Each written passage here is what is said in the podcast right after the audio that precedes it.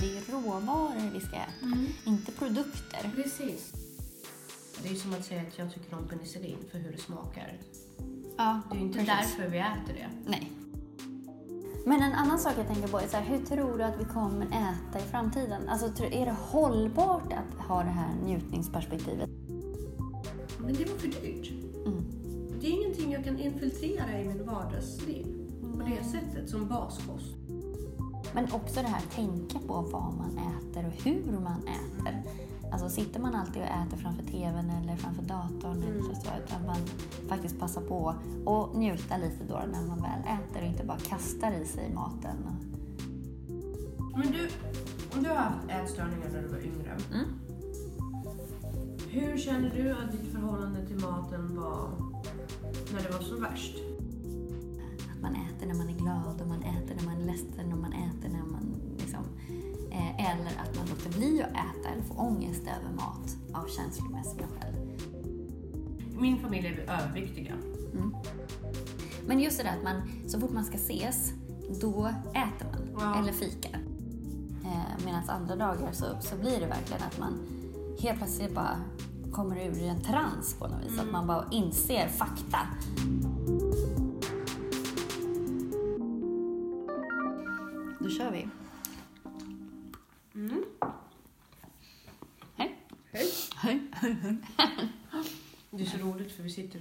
Med varsin chokladbit i munnen. Och kan inte prata. kan inte prata choklad är underbart. Mm.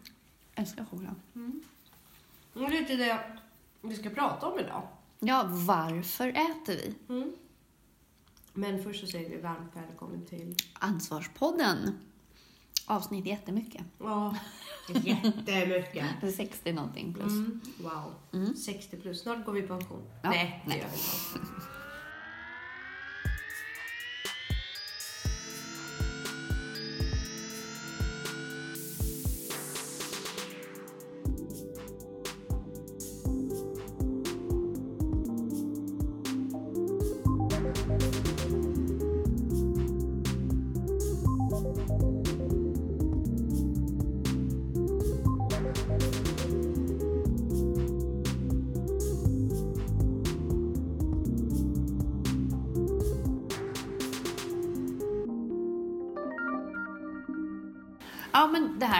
varför vi äter. Jag kom på det för jag hade en diskussion med några häromdagen om det här med dieter. Alltså allt man, den kosthållningen du har är ju din diet. Liksom.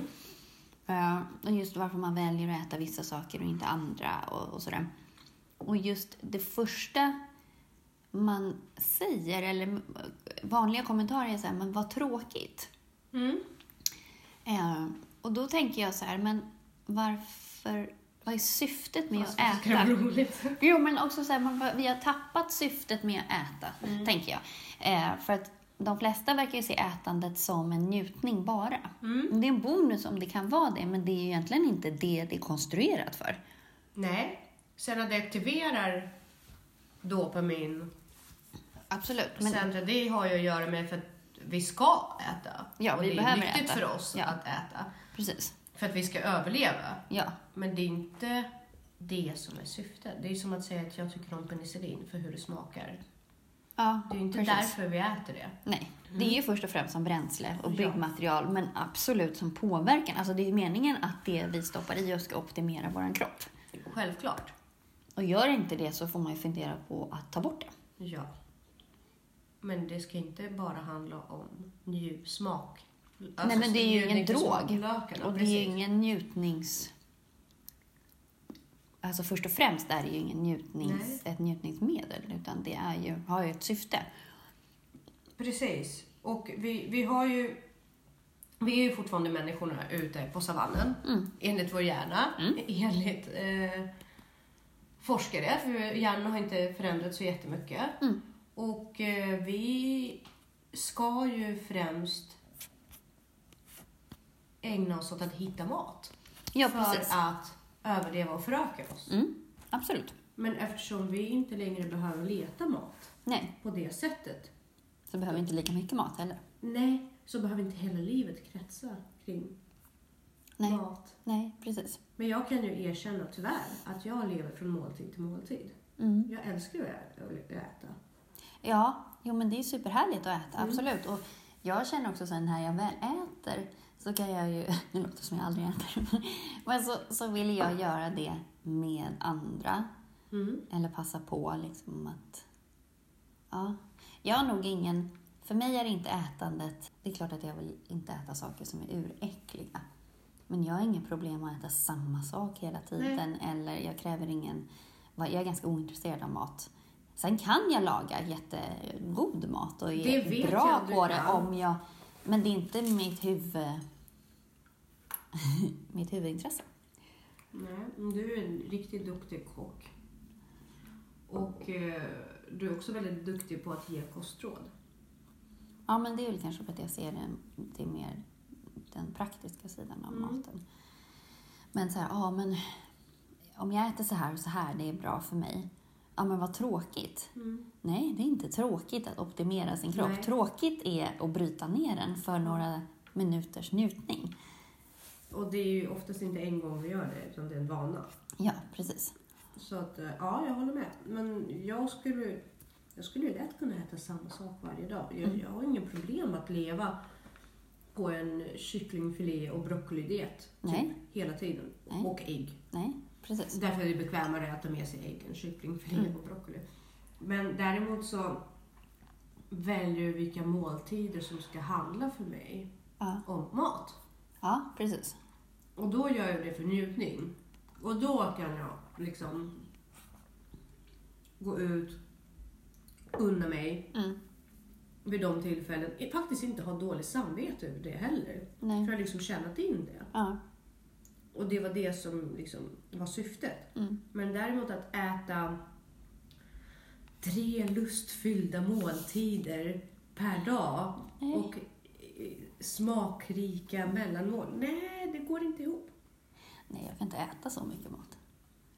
Nej, jag kan definitivt äta sådär mycket mat, men, men det... Men det, det känns som att det är inte så det ska vara. Man Mm. njuter också mindre av mat ju mer av god mat man äter. Mm. Det blir inte lika...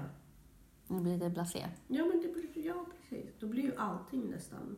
Smakar nästan lika, likadant. Mm. Man får ju aldrig någon härlig upplevelse. Jag kan erkänna att jag aldrig käkat oxfilé förrän i lördags. Va? Allt, det har aldrig blivit så, för jag, jag brukar alltid föredra fisk Okej. när jag är ute. Det är min favoriträtt annars. Ja, nej men eh, entrecote har jag käkat. Ja, det är inte riktigt samma. Nej, men jag har käkat plankstek och liksom Ja. sådana saker. Men det har aldrig blivit så att jag har beställt en oxfilé. Jag har liksom aldrig var, varit intresserad av det på något sätt. Men nu gjorde jag det. Mm. Eh, för att jag hört att det är det hälsosammaste och bästa köttet också och sådär. Och det var riktigt gott. Ja. Det var verkligen jätte, jättegott. Men det var för dyrt. Mm. Det är ingenting jag kan infiltrera i min vardagsliv på det Nej. sättet, som baskost.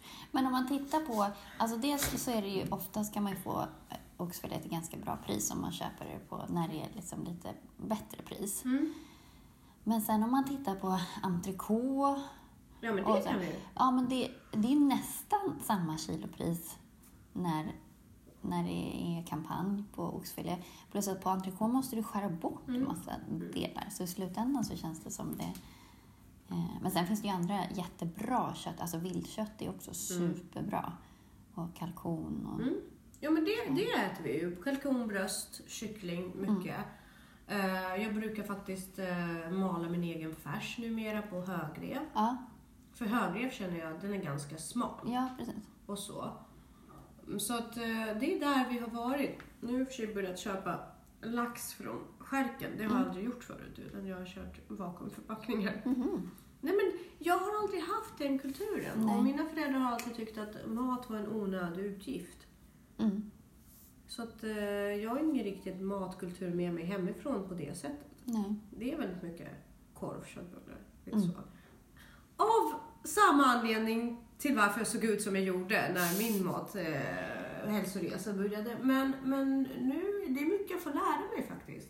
Men det där är ju faktiskt också viktigt att se, hur ser man på mat? Alltså det är råvaror vi ska äta, inte produkter. Precis. Alltså det här med färdigmat och tillsatser och halvfabrikat och sådär.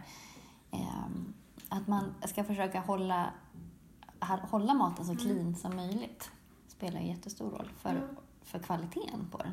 Rysk matkultur dessutom handlar, väldigt, handlar väldigt mycket om... Är inte det syltat och syrat och sådana saker? Ja, jättemycket syltat och jättemycket syrat. Det är bra men- för tarmfloran. Absolut. I Ryssland så åt vi ju tre, oftast, nej, två rätters måltider till middagen. Mm. Vi brukade käka soppa först, Mm. alltid. För det var tydligen bra för, ma- för magen enligt min mormor. Kan säkert vara så. Ja, det kan säkert vara så. Mm. Och sen så åt vi av samma kött som man kokade soppa på. Mm. Antingen eh, panerad schnitzel, Mm. när man hade kokat ur den sådär. Eller mm, färsbiffar. Mm. Eller bara någon form av gryta med potatis, pasta. Mm. Eh, Så att eh, där optimerade man ju verkligen med hederskött. Man utnyttjade verkligen varenda lilla bit av kött. Mm. Men sen så till eh, storhelger, då åt man ganska mycket majonnäs. Man, man dränkte alltid majonnäs. eh, så att våran nyårssallad, som i princip svensk potatissallad fast man lägger till små bitar av falukorv och saltgurka också. Jättegott! Heter oliviersallad av någon anledning. Jag vet inte, fransk sallad. Mm. Så att, eh, och det, nu för tiden så säljs ju det i skärken i alla mataffärer i Mhm. Ryssland. Och alla de här sakerna som vi bara åt på högtider förut. Mm. Vilket gör att eh, den ryska, det ryska köket, det är inte heller vad det har varit förut. För förut åt man den här salladen kanske två, tre gånger om året. Mm. När någon förlorar Mm. och på nyår oftast. Nu får ju folk, nu kan ju de äta det som liksom, till middagen Mm. vid sidan av något annat Mm. som de köper. Mm. Så att de, de har ju också blivit mycket sämre på det där med att laga mat. Och eh, ryska dumplings Mm. som säljs i alla mataffärer. Mm. Och, eh, så de, är också, de har blivit duktiga på den där maten som man lagade förut. Mm. Men nu processas Mm. och görs till massproduktion. Så det- köket är inte heller så jättebra Nej. nu längre. Nej. Och svensk kost, Mm. den har ju också varit mycket bättre förut. Absolut, och framförallt det här att man förut, du börjar ju komma tillbaka nu, att man tog tillvara på hela djuret och Tarmarna och precis. Allting. Har du ätit svartsoppa någon gång? Ja, Är det gott? det har en väldigt speciell smak. Smakar det som pepparkaka? Ja, men nej. Eller, nej. Jag har hört folk säga det. Ja. Jag tycker att blodpudding smakar som pepparkaka. Jaha, aha, okej. Ja, nej, då, då tycker vi helt olika. Mm. Nej, men också att man tänker på det här varför man äter. Just det där att man ska äta när man är hungrig. Mm. Men där, de flesta har ju slagit ut sitt hungersystem. Mm. Så att man, om man skulle äta när man var hungrig eller sugen, då skulle man ju äta hela tiden. Typ. Så att det, ja. Men just det där att man, så fort man ska ses, då äter man. Ja. Eller fikar. Ja. Eller så. Att det är också en grej som man kanske behöver alltså, lära om eller så. Att maten kanske Man samlas ju kring mat och det är kulturellt, absolut. Måltiden är ju otroligt så här, enande. Mm. Eh, Men även så här, man tröstäter, man äter eh, när man har fredagsmys eh, och så. Men om folk säger så här, men jag äter för att orka. Det är det ju sista folk egentligen gör om man tittar på vad den... Vad de stoppar i sig? Ja, precis. Det är ju verkligen inte för att få energi eller för att kroppen ska fungera. Nej. Eh, Det är väldigt få som, eller det är inte jättemånga som faktiskt tänker på det, utan man utgår från vad man tycker är gott. Mm. Men det här med, med ren mat är så otroligt viktigt. Ja, att, att äta är ju kemi. Det är ju Ja. vetenskap. Mm. Alltså, det är ju... Och inte bara stoppa i sig en massa saker. Man måste faktiskt veta vad kroppen behöver. Och det måste man få lära sig. Mm. För det kommer faktiskt inte med för. Nej, och sen är det ju väldigt... Det är så lätt, de flesta överäter ju faktiskt. Mm. Eh, Äter ju mer än vad man gör av med. Ja, och där blir jag väldigt triggad av folk som säger så här, jag går inte på vågen, jag går på måttbandet eller jag behöver inte väga mig, Mm. jag har inte våg hemma. Det är självklart att man ska ha en våg hemma för att du tycker inte det? Du... Nej, men inte så. Eh, alltså, så länge, alltså för att om du håller på att bygga upp dig till exempel så väger ju muskler mer än fett och då kan man ju om man kan ha samma vikt men olika disposition på kroppen. Men då har vi gått in så djupt i det, då är man kunnig i vad man eftersträvar. Ja. Men om man pratar om van, en vanlig person Ja, men förhoppningsvis så märker man väl om byxorna börjar bli för små. Ja, fast det är ju så lätt att gå och köpa lite större byxor. Ja, jeans, gud, så får man ju inte. Jeans är ju jättebra på att töa ut sig själva. Särskilt om det händer lite successivt.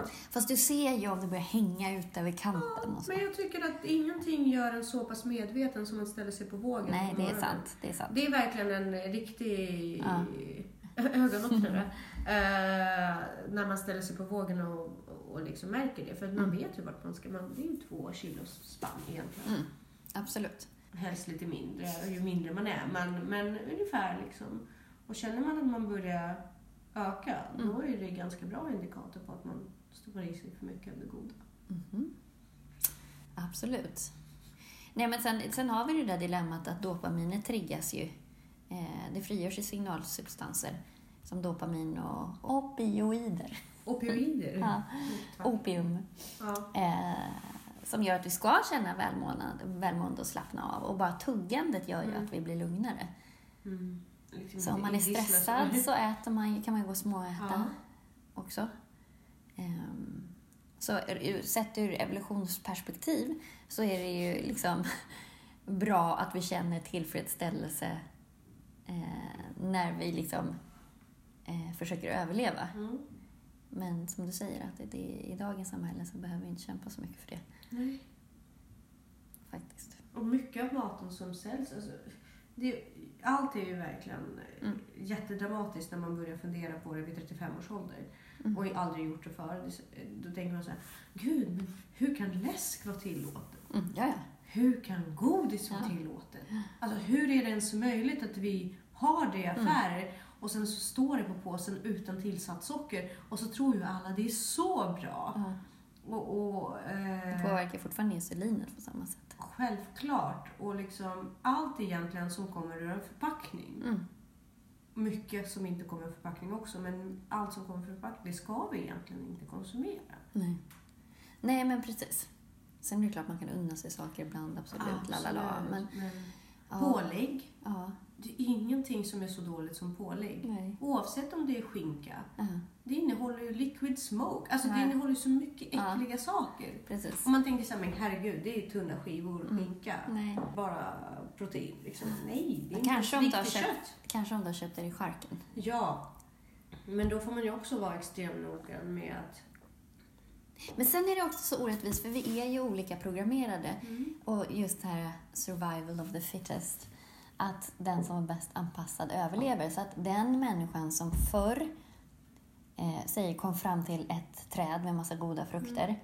Så kanske den ena personen tog en frukt och kände sig nöjd och så vissa, då vet jag att de finns här. Mm. Och kom tillbaka nästa dag så var frukten slut. Medan den, någon annan som kom dit bara moffa allt vad den orkade för nästa gång kanske den är slut. Ja.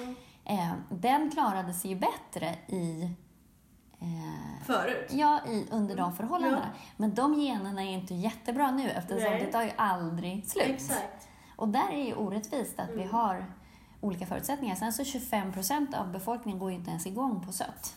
De tycker inte om sött. Åh, varför tillhör inte jag? Men de kanske inte skulle klarat sig lika bra förut. Men tydligen så har de ju gjort det för deras gener har ju överlevt. Så någonstans har det ju varit bra. Ja, eller... Någonting är ju bra med dem. Ja, ja, men precis. De har väl alltid haft tillgång. Ja. Eller någonting. Ehm, Men också det här att tänka på vad man äter och hur man äter. Mm. Alltså sitter man alltid och äter framför TVn eller framför datorn eller Mm. så, så, utan man faktiskt passar på att njuta lite då när man väl äter och inte bara kastar i sig maten. Och, och så. Precis. Och som sagt, är vi stressade så har vi en tendens att äta mer. Och är man långvarigt stressad så har man ju också högre kortisolnivåer och det lagrar in fett Mm. lättare. Så att vi har en tendens att äta mer när man är stressad plus att man lagrar in fett lättare. Så att det är ju inte jätte...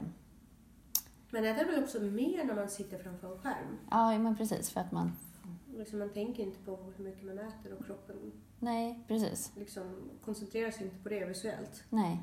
Har man ingen uppfattning om man äter, hur mycket man äter. Ja. Men, och kortisol också under stress, det minskar ju också insulinrecept... Eh, vad heter det? Eh, insulinets effekt i kroppen. Mm. Så att man också får en större risk för att, ö- för att få diabetes typ 2. Men det är också, insulinet är ju fettinlagrande. Så att, Mm. ehm, då behövs det ju skjutas ut mer insulin när effekten blir sämre. Mm. Vilket gör att det lagras in mer fett. Eh, för att det finns mer insulin i omlopp. Men ja, nej. Men också, och det finns ju så här att just de här känslomässiga, eh, att du äter av känslomässiga skäl. Mm. Eh, man äter när man är glad och man äter när man är ledsen och man äter när man liksom... Eh, eller att man låter bli att äta eller får ångest över mat av känslomässiga skäl. Eh, att man tar ut känslor på mat, Mm. positivt eller negativt. Det är ju det är inte alla som gör det. Nej, Tror jag. men det är nog väldigt... jättejobbigt när ens känsloliv är förknippat med mat. Ja, och sen så det är nog väldigt många som på något sätt har något matberoende eller någon form av Mm. ätstörning. Och sen så kan det ju vara så här, nej men de flesta har ju en ätstörning om man ska vara krass. Eh, inte om man jämför med resten av befolkningen, men om man tittar ur vad syftet med mat Mm. är och hur vi använder mat, så har ju de flesta Vi en ätstörning. missbrukar det på något Ja, sätt. precis. Men, men du, om du har haft ätstörningar när du var yngre. Mm. Hur känner du att ditt förhållande till maten var när det var som värst? Oj, ehm. Det var ju bara ångestframkallande. Oavsett vad du åt och hur mycket du åt. Ja. Mm. Alltså, ja. Eh, för inte, alltså jag tyckte att mat var gott och jag tyckte jag ville kunna äta mat men det gav alldeles för mycket ångest. Men insåg du att det var någon viss mängd av mat som du var tvungen att inta för att överleva? Ja... Eh, jo, men det är klart att man förstod det, liksom, att man var tvungen att äta lite grann. Men det är så extremt lite du behöver för att överleva om det bara är det som är... Ja, men utan att kontinuerligt gå ner i vikt. Ja, men det var ju syftet ja, att kunna, Men du hade ingen målvikt? Nej. Du ville bara gå ner hela tiden? Jag hade mer en liksom... Ja, men jag ville bara bli av med det här själväcklet. Mm. Så det var inte... Och själväcklet kom från övervikt eller kom det från kropps, din egen kroppsbild? Nej, det handlar, eller? nej, det handlar ju bara om liksom en... Det, alltså- Handlade det egentligen? Nej. nej, det handlar inte om mat egentligen. Det handlar ju om självförakt och Mm. själväckel. Mm. Och sen så blir ju då kroppen ett... Kroppen representerar ju... Alltså det är ju någonting lite du som att rent. Ja, precis. Rent fysiskt. Mm. Du kan gå på. Och det är som, som att skära sig också. Så här, om du skadar det, dig Mm. själv på utsidan så kanske du kommer åt det på insidan också. Ehm, så att det, alltså jag skulle kunna ha vilket självskadebeteende som helst egentligen. Ehm, och sen så är jag lite av en beroende personlighet. Så att liksom, jag driver ju saker lite, eller jag fastnar ju i saker om man ska säga. Ehm, och på ett sätt är det ju positivt. Jag vet ju att jag uppenbarligen, när jag väl går in för det, har en jäkla vilja. Mm. För det är ju en enorm drivkraft att kunna gå emot alla de självbevarelsedrifter som vi har. Eh, så att, sen kan jag tycka att det hade väl varit smartare att lägga ner det på något vettigare. Ja. Eh, men på något sätt så... Ja, men då... Men det tror jag väldigt många kan relatera till. Den här känslan som bara överrumplar en ibland. Att man bara... Alltså det här är så äckligt. Alltså det är så mycket fett här. Och det är så mycket, liksom, fast det rent objektivt liksom inte är det jämfört med andra. Men jämfört med vad man själv hade önskat. Ehm, jag satt och pratade med en kollega häromdagen om det. Och bara... Och det är nästan så att man liksom så här, det är där, men man får ju bara skratta åt det. Liksom. Det är klart att det kommer över en fortfarande ibland. Att Är man det bara, så? alltså det är så äckligt. Maten? Nej, men, men det här liksom kropps... Din kroppsbild? Ja, Ja. ja men just alltså fett på fel sätt. Liksom. Mm. Och vissa dagar är det inga problem. Eh, Medan andra dagar så, så blir det verkligen att man helt plötsligt bara kommer ur en trans på något vis. Mm. Att man bara inser fakta. Eh, Men eh, ja, Eh, för jag har ju sett dig som en liksom, matälskare. Du älskar ju att äta. Jo, men jag tycker att... Eller nej, jag älskar nog inte att äta. Det gör jag inte. Fika, du älskar att fika. Ja. Jo, men jag gillar att fika. Mm. Eh, sen gillar jag inte kanske konsekvenserna av det. Nej. Eh, och då kan man ju ibland hamna i något sådär att man... Sen så mår ju inte kroppen bra av att äta för mycket socker och sådär. Det är som häromdagen så tryckte jag i mig en massa godis. Det brukar jag inte göra. Nej. Eh, Man får så, det var inte ens så gott. Nej. Plus att jag får ont i huvudet och mår illa efter. Då är det inte värt det. Nej. Alltså, du, så här, när man bara, men gud, det här var inte värt det. Men då undrar jag det här, för du berättade ju om att du hade en, för en gång, för länge Ja. sedan, så pratade vi om att du, eh, när det var som värst, så Mm. njöt du nästan av att sitta och inte äta när andra gjorde det, för du kände dig starkare. Mm. De såg dig lite mer, lite bättre. Ja, om jag lyckades, ja. ja. Men du lyckades. Det var ju många gånger man inte lyckades och då kände Ja. man sig, kände man sig bara... Men jag gjorde så här att jag hade så här... När jag var som sjukast, då hade jag så här vissa stunder när jag fick äta. Mm. Och om jag inte hade ätit nästan typ på en vecka Mm. så kunde jag... Min mamma och jag gick till så här, ört- örtagården Mm. varje söndag typ och åt. Mhm. Och det var ju typ så veckans intag. Och då fick jag äta liksom, tills jag blev mätt. Och du kände, alltså Och du då var det okej. själv. Ja, Alltså okej. hade jag varit duktig den på hela veckan, då var det okej. Mm. Och vad, Eh. hur mycket åt du som minst på en dag? Ingenting. Eh, Jag kommer ihåg när jag tyckte att jag faktiskt hade kontroll på det. Mm. Och jag åt frukost, lunch och middag. Mm. Då åt jag ju en jättetunn så här, dansk rågbrödskiva till frukost med en ostskiva, tror jag, och gurka på. Mm. Eh, och så drack jag te. Det var min frukost. Och sen åt jag bara sallad till lunch och middag. Mm. Och det var ju så här grönsallad med tomater och gurka, typ. Men då tyckte jag ändå att jag åt. Eh, och då hade jag, tyckte jag att jag hade kontroll på det. Då var det liksom status quo på något vis. Eh, men jag gick ju fortfarande ner liksom, Mm. ett halvt kilo i veckan eller något sånt där. Ja. På den. Så att, Men, och det, var din, familj, din familj måste ha varit väldigt medveten om det? då? ja, när jag var så smal, ja. Mm. Absolut. Eh, Vad vägde du som minst? 46 tror jag. Åh herregud. Och du är... 1,70. Nej, 30. Nej, 30, 36. Förlåt. Herregud. 46 vägde jag när jag släpptes ut. Okej. Så då hade, då, då hade du biffat på dig? Ja, Fettat upp så att säga? precis. Oj, Jesus. Du, storlek 30 hade du i jeans. Jag har ingen aning. Nej, när jag släpptes, eller vad man ska säga, då hade jag 26. Men de satt ju som såna här, alltså, Hängbrallor? ja. Mm, 30 menar jag, alltså inte jeansstorlekar utan Mm. byxstorlekar. ja Nej, du har väl 34? trett- eller? nej, 36 har jag. 36? Mm. Mm. Herregud. Mm. Men det blev ju också så här, till slut tappade man ju också, det var ju inte riktigt så här att gå ner, jo indirekt var det väl, men det var så här, man blev, fick ju andra fokus också. Jag vet att jag hade ett period när jag skulle, jag tyckte det var så häftigt att man kunde liksom se kroppen inifrån fast utifrån. Liksom. Man kunde se alla ben och all, liksom. Du var galen vetenskapskvinna. Ja, men lite så. Ja. Ja, ja, i min familj har vi aldrig förstått oss på anorexia Men, eller den typen av mat, bulimi, den Nej. typen av matstörning. I min familj är vi överviktiga. Mm. Rejält överviktiga. Eh, pappa väger ju uppåt 120 kilo nu. mhm. Min mor, farmor har lidit av diabetes så länge jag känt henne. Hon har alltid vägt över 100. Mm. Hon är runt 1,60. Eh, mamma har alltid bantat.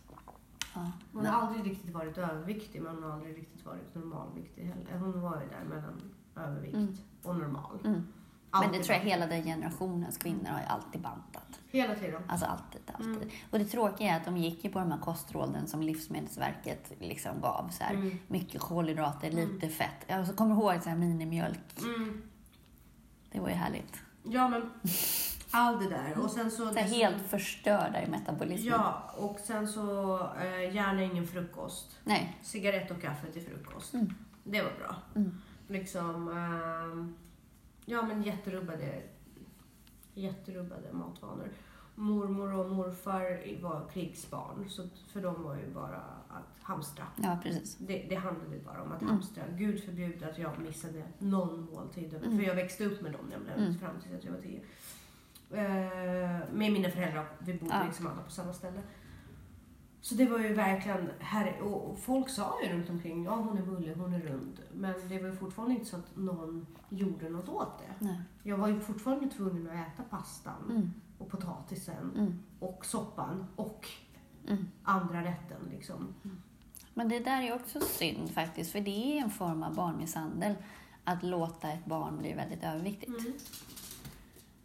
Mm. Samtidigt, för barnet har ju ingen aning, de kan ju inte. Och sen om du blir överviktig väldigt, som väldigt ung, du kan inte göra något åt det. För du Nej. liksom, ja, har Nej. varken, du är redan så insyltad i beroendet och i... Så att, Ja, och liksom det jag begränsades på. Jag fick inte ta andra portioner och sådär, men det, jag var fortfarande hungrig. Så Mm. jag tror att egentligen så borde jag bara, de bara ökat köttmängden. mm. Ja, men det där är också farligt, just för det är det man gör också med barn som väger lite för mycket. Att begränsa dem, Mm. vilket skapar ett ännu större hets Exakt. mot godis och mot, de blir ju besatta av liksom allt. Och sen så kommer ju det skapa någon form av smyg, alltså Mm. hets, alltså att man det äter i smyg och att man liksom... Det hände ju ofta att jag Ja. smög Ja. och åt. För att jag menar, eh, middag åt vi vid sex Mm. Någon gång. Och sen så la inte jag mig förrän kanske nio, Mm. halv tio. Och på den tiden, på hela den stunden så fick inte jag äta mer. För då hade Nej. jag redan ätit middag. Mm. Eh, Och det var alldeles för lång stund för mig. Mm. Jag var jättehungrig. Mm. Så att jag kommer ihåg att liksom, kvällarna var verkligen hungriga. De var liksom hungerkänsla. Ja, och för barn, för, för en, alltså en vuxen som vill ändra sin kost Mm. eller sin vikt har ju lättare att stå emot hungerkänslor. Barn har ju ingen, finns ingen anledning till att vara hungrig för ett Nej. barn. Nej. Jag, jag, jag blev bara ledsen över att jag blev kallad för tjock. Mm. Och sen var jag hungrig. Mm. Det var jättejobbigt. Mm. Så att allting, alla gånger när vi hade kvällsbesök eller någonting. Mm. Det enda jag brydde mig om det är att få ta det som serverades. Mm. Och sen så kom vi till Sverige och då jobbade mamma och pappa ganska mycket. Och då åt jag ju mackor Mm. Med smältost. Mm. Och drack oj. litervis med Coca-Cola. Oh, Ja, det är koffeinet och sockret. Ja, det, det, det var ju livsdrycken. men gud, alltså när man, i tonåren när man kom hem från skolan, det var ju liksom och så hade man någon kompis med sig, dela liksom på en Skogaholmslimpa och Ja. två liter mjölk. Ja, mjölk är ju bra. Ja, vi drack ju cola. Ja. Men jag kunde, vi kunde också lika gärna dela på ett paket pepparkakor. Mm. Ja, vad som helst. Man Och bara... just man bara åt. Så, men just också, man var så fruktansvärt hungrig. Mm. Vi kunde ju ställa oss och laga så här pasta och köttbullar när vi kom hem vid fyra. Sen så åt vi ju middag Mm. vid sju. Ja. Och på vägen hem hade man säkert också stannat vid Ica och köpt någonting att äta på vägen. Man hade ju ingen... Nej, alltså mat, man, bara, man var som svarta hål. Man Ja. hade så. Och just att jag åt ganska sockerrikt mat. Mm. Det, var ju, det drev ju liksom sockersuget Ja, och hungerkänslan Mm. mot toppen. Jag kommer ihåg att en gång hade jag en kompis som kom över och mamma lämna, hade lämnat en uh, Aladdin-ask hemma. Mm. En stängd Aladdin-ask. Och då tänkte jag så här, ah, men jag tror att om en kompis kommer över så är det fine av henne att vi öppnar Mm. den. Och då var det så här, ja ah, men jag kan ju öppna den innan hon kommer. Och jag kan ta en godis Mm. innan hon kommer. När hon kom så sa jag i alla fall, kan du snälla säga till min mamma att vi åt upp den här tillsammans. Mm. Jag hade käkat upp en hel Aladdin-ask, två Mm. våningar. Mm. Och det var inte ens liksom, Nej. jag kände inte ens egentligen att det var så mycket. Nej, men det är den här hetsätningen. Ja. Men du kan ju ha ett hetsätningsbeteende även fast du inte hetsäter liksom per definition. Men när du, bör, när du småäter Mm. och inte får stopp på det, Mm. att du blir aldrig nöjd. Liksom, att man känner att man bara trycker i sig. Sen kanske i slutändan är inte jättestora mängder, men det är själva beteendet. Men en annan sak jag tänker på är så här, hur tror du att vi kommer äta i framtiden? Alltså, är det hållbart att ha det här njutningsperspektivet? Om man tittar på att, att eh, maten inte, alltså vi blir fler och fler och maten kommer inte räcka till och, och vi kommer kanske behöva få protein från insekter och Insekter. maskar som man mal ner till något proteinpulver och så. Alltså att jag tror att vi kommer bli mer rationella. Har du sett Min fru är en utomjording? Ja, en sån här gammal ja, ja, ja. Åh, det var så bra 80-talsfilm när de käkade batterier. Ja, Ja. med Dan Aykroyd Ja. och... Eh, gud, vad heter hon då? Eh, Inte Cindy, vad heter hon? Eh. Kim Basinger. ja, precis. Ehm, hon kommer ju från en planet som ligger lite före. Ja. Eh, och hon äter ju batterier. Mm. Eller de suger ju i sig. Ja. Men det är inte... Ja, och jag tror att här, vi kanske kommer komma dit. Att man kanske faktiskt inser att det här med ätandet, det är ju inte bara av positivt. Mm. Eh, och att vi kanske blir lite mer praktiska. Sen kanske man samlas någon gång ibland. Precis, och gör det Eh. för njutning. Ja, men att eh, man kanske rationaliserar ätandet till faktiskt att de flesta måltider faktiskt är bara rent vad som optimerar kroppen. Bara typ en squeezy Ja, av protein och näring. precis. Apropå Ja. rena produkter. Ja, eller hur? Nej, men om man tänker att, att vi inte kan äta köttbitar som vi Mm. gör och så. Ja, men jag tror definitivt att man kan ta fram på ett syntetiskt vis någon bra, riklig... Ja, Jag tror mer i sådana fall på de här odlingarna av maskar som man torkar Ja, och ja, ja. Vad som, liksom. ja, men det är ju liksom, man kommer ändå mala ner det. Ja, precis. Så att eh, det tror jag definitivt att man kan bara ta fram någon näringsrik massa, inte mat som mat Mm. som vi är vana vid att idag. Utan någon form av liksom evig bröd. Mm. eh, som, som vi kan ta fram och livnära oss på och göra måltider som måltider mer av en hobby. Mm. Eller liksom vid fina tillfällen. Frågan är bara om det kommer att finnas matnarkomaner som inte klarar av Mm. att inte göra för ofta. Folk Fast det finns ju redan. Ja, jo, jo, Alltså. fast vi ser inte dem så nu. Nej. Folk som liksom tar stora lån Ja. för att äta riktig mat. Men också vissa saker som vi äter, så här, varför? Alltså, som man äter för och lär sig äta också av tradition. Alltså det här med att dricka nubbe till exempel. Mm. Det är ju ingen som tycker att det är gott första gången de testar. Nej. Eller surströmming är ju ganska få som verkligen tycker att, genuint att det är gott. Kaffe, första gången Ja. man dricker det. Nej. Just det varför lär vi oss att drick, äta och dricka äckliga saker? Vad är poängen med det? Eller som med, med så här, chips. Man liksom kan ta två chips, sen är man rätt nöjd och så här, det börjar smaka lite så här. "Ugh." Ändå maler man på. Eller det här med nödgodis. När man har ätit upp alla goda godisar så finns det ändå några godisar kvar, men de är inte så goda. Men man äter dem ändå. Alltså, Vad är jag, det? Jag, jag, alltså, jag har ju pratat om det förr. Jag är ju en matnarkoman. Mm. Jag kan ju inte ha godis liggande hemma. Nu har jag börjat bli bättre på det faktiskt. Jag har liksom, men jag får lite ju fortfarande. Om jag är hungrig Mm. så är det bäst att det inte finns något i närheten. Jag har plockat fram kakor ur papperskorg på jobbet. Jag har berättat om det förut. Mm. Nej.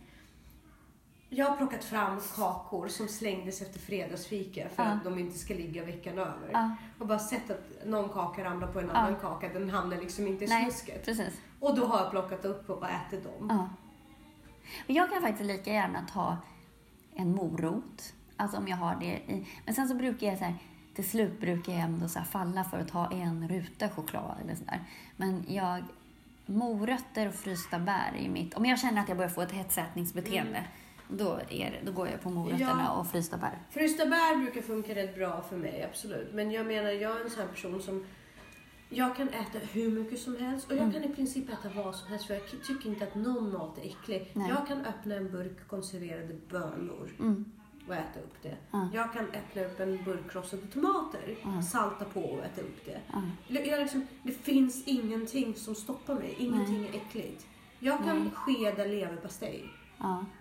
Det är äckligt. Jag, jag hör ju. Alltså jag kan ju äta smör rakt av. Ja, det kan jag med. Det tycker jag är Men Jag skitgott. älskar smör. Alltså jag älskar smör. När folk hör det, de, de tuppar av. Jag kan absolut skeda smör. Jag kan skeda ketchup också. Nej. Jo, men alltså, jag, ser, visst, jag har ingen stopp för jag tycker Nej. att all mat är gott. Mm.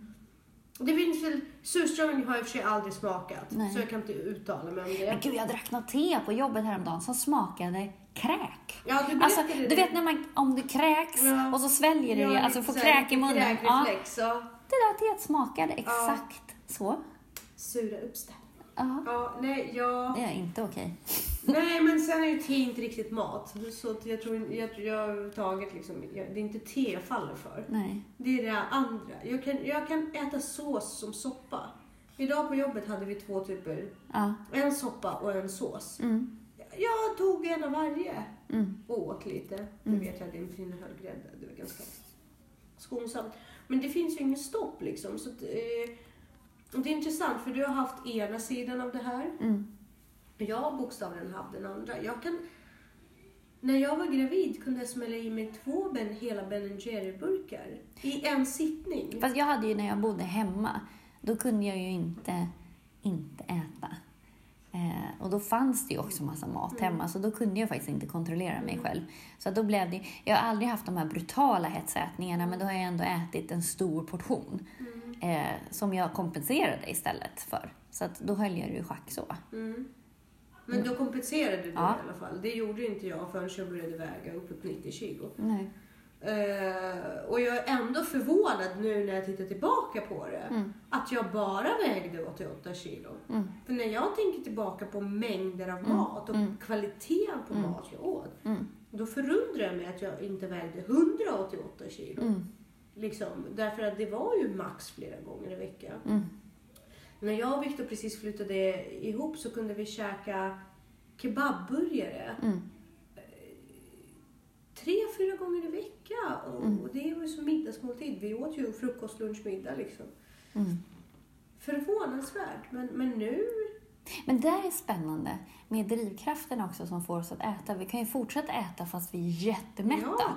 Alltså, det gör ju så ont så vi knappt... Ja, alltså, men man, vi kan äta lite till. Ja, men man kan ändå trycka lite till. Jag, vet, Det jag, jag också. kan ta en kaka på det. Ja. Liksom. ja, men efterrätt. Det finns ju någon extra mage för efterrätt. Liksom. Alltid. alltid plats för efterrätt. eh, och just så här, det finns ju forskare som har specialiserat sig på det här, eller på liksom, neurovetenskapsforskare. Så beror det på det här, att ätandet i sig lindrar smärta. Så att Vilken smärta som helst. Ja, så att om, och det är därför man tröstäter och sådär också. För att det liksom, men man får en sm- smärtlindring vid förtäring. Eh, och även, det dövar ju psykologisk smärta. Men också så när vi stoppar i oss allt möjligt och sen så blir vi jättemätta. Då har vi en trigger att äta lite till för att det, vi Ja, för tror att ta att det... bort smärtan av Ja. att vi har överätit. Precis. Eh, så att, eh, ja. Det, ja. Och då så eh, har man ju också sett att överviktiga personer har förhöjda halter av eh, endogena endocannabisoider. Eh, eller bisnoider, någonting sånt heter det. Eh, så att det har liksom förhöjd cannabis typ Ja. nivå i kroppen. Eh, En liten Ja, narkot- men- narkotisk ja, eh, marijuana-liknande liksom. marijuana-liknande substanser, både i blodet och i hjärnan. Ja. Mm. Så att ju fetare vi blir, desto mer sådana substanser finns det i blodet. Mm. Och då kan vi uthärda den psykologiska och fysiska smärtan av hetsätningen. Mm. Det är rätt skumt att kroppen har utvecklat den mekanismen. Eller skumt är det ju inte, den vill ju bara, bara överleva. Så Ja. när du kan hetsäta så ät på, för du Ja. vet inte. Problemet är att vi får ju mat när vi vill nästa gång. Så Exakt. Och det är, det, det är lite läskigt. Jag undrar om man skulle kunna döva. Det kan man ju. Det Mm. finns ju piller som dövar... Eh, nu, vart sitter? Berätta för mig. Vart sitter hungerkänslan? I, vad heter det? Reptilhjärnan. ja, ja, absolut. Mm. Ja. Döva den, just den Amygdalan. delen. Amygdalan. Som står för, tack. Som står för hunger. Mm. Och där har jag haft en kompis som eh, fick sådana piller Mm. av en läkare. Mm. Men många droger gör ju det, bara amfetamin och sådana droger. Ja, kanske. Mina antidepressiva medel gjorde inte det. De Nej, det kan ju... Ja, precis. faktiskt. Men det där är också, där är också olika. En del är ju så här, om de är ledsna så kan de inte äta. Om de mår illa kan jag kan äta jämt. Ja. Även om jag mår illa, även om jag är super... Jag tror jag, jag, en gång har jag varit så ledsen att jag inte kunde äta. Men annars så kan jag. Ledsen kan jag äta hur ledsen än jag är. Och ju ledsnare jag är, Ja. desto mer äter jag. Däremot så när jag är riktigt, riktigt lycklig, Mm. sådär hyperlycklig, Ja. när det är adrenalin Ja. i kroppen. Inte när man är så harmoniskt Mm. lycklig, utan när det är adrenalinlycklig. Liksom, Mm. Men då blir man ju rätt hungrig snabbt för man gör av med så mycket energi. Nej, för då är jag så hypad så då Okej. kan inte jag. När det har lagt sig efter två, tre dagar, då kan Ja. jag liksom. Men inte under tiden. Ja. En lite så här kär uh, hype. ja, nej jag kan äta. Nej, Kan alltid äta. Ja, men det är det, och jag är ju sällan så där glad. Jag kan komma ihåg tre tillfällen Ja. i mitt liv när jag inte kunde äta på grund av glädje. Men eh, ja, det är intressant mat. Det är ju lite som en drog. Ja, ja. Jo, men det är det ju. Det är en drog. Absolut. Ehm, det är det. Och tyvärr är vi ju programmerade att äta. Tyvärr är det inte. Det är ju vår infallskälla. Tror du någonsin att vi någonsin kommer kunna eh, omvandla el? Alltså att människan Ja. Alls... Jo, men det, alltså, vi kan ju skapa el genom våra rörelser. Mm. Alltså om vi cyklar på en cykel Ja. som är kopplad till... Alltså så kan vi göra. Men Jo, men omvandla el så att vi kan äta det, tänker jag. jaha, som en... Alltså att som... Att vi bokstavligen laddar. Energi. Mm. Nej. Nej, men om man tittar på själva hur mitokondrierna fungerar och så.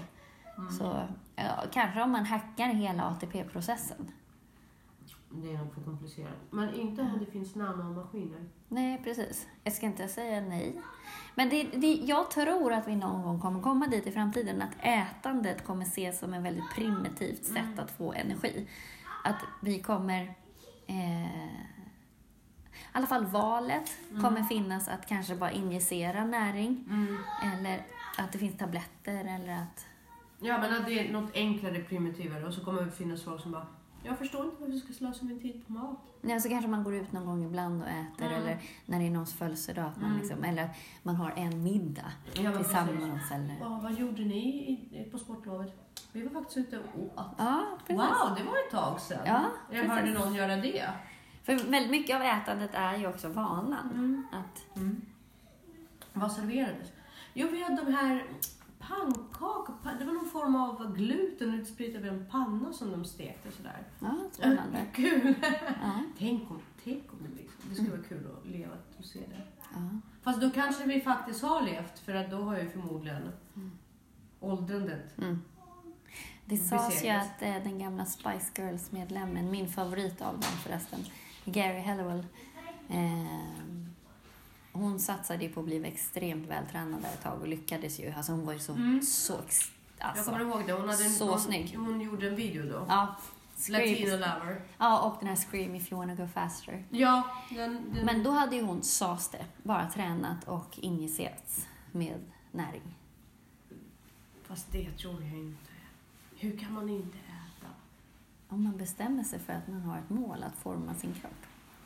Fast kan en kropp verkligen må bra av, att bara Nej, inte i längden. Bara för, utan för den här ögonblicket. Ja. Liksom. Som de här bodybuilders som Ja, ja. torkar ut sig själva. Ja, ja, det är ju bara om timmar de ser ut exakt så. Eh, Det är äckligt. Det är skrämmande. fast jag tycker det är lite mäktigt på något vis att man har den självdisciplinen. Det där tänkte jag fråga dig. Vi diskuterade kroppsideal för något Mm. år sedan. Mm. Har ditt kroppsideal ändrats någonting? För att Åh jag, gud, definitivt. ja, för, för du bara oj, när jag visade mitt, Ja. du bara oj, det där, nej, så visade du någonting annat. Någonting mycket rundare och mulligare Ja. och kvinnligare. Ja, gud. Min, framförallt hur jag ser på mig själv i spegel har ju förändrats otroligt mycket också. Mm. Förut handlade det om att se mig själv smal. Mm. Nu vet jag ju att jag är smal. Mm. Eller tillräckligt smal för min egen smak. Mm. Det är musklerna jag vill se nu. Ja, exakt. Jag vill ju se musklerna. Ja. Jag vet ju att jag är storlek 34. Ja. Hur mycket smalare kan jag bli egentligen? Ja. Nej men alltså jag Nej, skulle men du ju kunna- behöver ju inte bli... Nej, nej, jag skulle absolut kunna pressa min kropp Mm. och gå ner 2-3 kilo, 7 kilo till. Mm. Jag är inte ute efter det.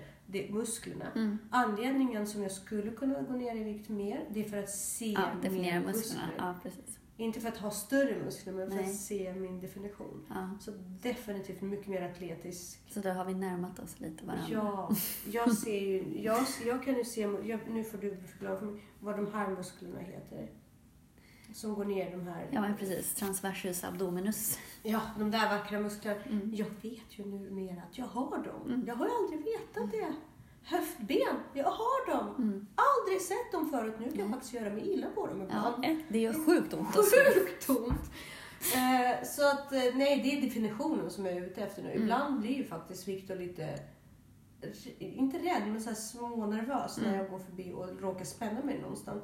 För han har aldrig, jag har inte sett, det är en helt annan kropp. Nej, men och där kommer ju nästa besatthet på något vis. Att, att det är det som tar över sen. Ja. Kanske inte just att man ska väga ett visst antal kilo eller sådär, utan det är mer också bara hur du kan forma kroppen. Ja. Och jag känner att jag är där. Ja, Därför att jag går inte längre till gymmet nej, för att må bra. nej. Alltså jag gör ju det Ja. ändå. Men den största drivkraften är Ja. ju att, herregud, om jag inte går idag så Mm. kommer mina muskler inte synas lika bra Så imorgon. frågan är om du då skulle träna lika mycket om du redan hade den perfekta kroppen. Hur mycket av motivationen som ligger i... Jag skulle definitivt jag skulle vilja behålla den. Ja, men precis. Men om du fick det gratis? Jaha, nej, inte alls. Varför ska man träna om man, om man ser bra Nej. ut? Man, alltså, Så det här med att man tränar för att må bra. Nej. jag Jo, har men- jättemycket, alltså jag kan säga så här, det finns inga lyckliga mer än människor som är överviktiga. Punkt slut. Därför att det handlar alltid om självkänsla. Och man kan inte ha en bra självkänsla om man är tjock. Jag tror Jo, inte någon på måste det. kunna. Nej, jag tror inte på det. Jag tror Men är inte det på att samhällets där är- fel eller är det... Det tror jag, det definitivt. För att på liksom, 1600-talet var det jättefint att vara överviktig. Okej, jag har inte varit där så jag kan faktiskt inte tro på det. Och jag tror definitivt att slanka personer Mm. som såg bra ut. Men det finns ju många som, alltså jag tror att folk med perfekta kroppar mår ju också dåligt. Alltså jag tror att det Ja, det tror jag definitivt. Jag, tror, jag har aldrig sagt att alla smala är lyckliga. Nej. Jag har däremot sagt att inga tjocka är lyckliga. Inte egentligen. Mm. De är väldigt bra på, på att bedra. Ja, men det finns ju studier som visar det att, att överviktiga människor oftast har den här, alltså är väldigt glada Mm. och så här, Ja, alltså ja. deras, Därför Jobb. de överkompenserar. ja precis. Alltså att utveckla en härlig personlighet istället. men och det eh, snygga människor kan ju vara lite otrevligare. Därför de har råd med det. Ja, men så definitivt. Mm. Det tror jag på. Och anledningen till varför jag hade en sån överdriven klädstil i så många år Mm. har ju definitivt att göra Mm. i rätt pers- perspektiv. Liksom. med att jag överkompenserade. Mm. Jag tog upp mig, varför jag hade så alltid konstiga jättelånga naglar med jättemycket Ja. nagelkonst och sminkning Mm. i hitten och dattan. Och, Men det är ju också lite motsägelsefullt för att då drar du ju ändå uppmärksamheten till dig. ja, men jag kan ju inte dra det genom en fin kropp. Jag vill fortfarande ha uppmärksamheten. Okej, ja. Man kan inte komma bort ifrån det om man är den personen. Nej, precis. Man vill ju fortfarande vara, ses som sexuellt attraktiv. Mm. Mm.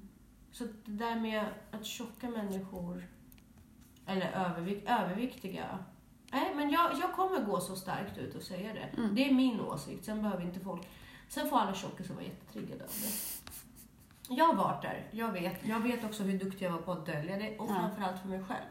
Men jag vet också hur enkelt det är för mig. Hur mycket tid jag tillbringade i affärer. Mm. Då. Mm. Och hur jag skiter i. Alltså jag går in och plockar det jag behöver och går därifrån bokstavligen för allt sitter bra. Ja, Jag är så vacker. Ja, men det är väl det är, väl, det är så man ska känna. Det, jag, jag gör det. Jag går upp varje Men det morgon där är ju också så här, och man har ju egna regler för sig själv som absolut inte gäller för andra. Ja. Alltså om någon skulle se ut som jag gjorde, jag skulle ju bara säga, men du har ju världens finaste kropp. ja. Nej, jag känner ju inte så själv. Nej. Men å andra sidan, man ger ju sig, jag kan säga jag ger ju ibland mig själv lite mer slack än vad jag skulle kunna ge andra också. Ja.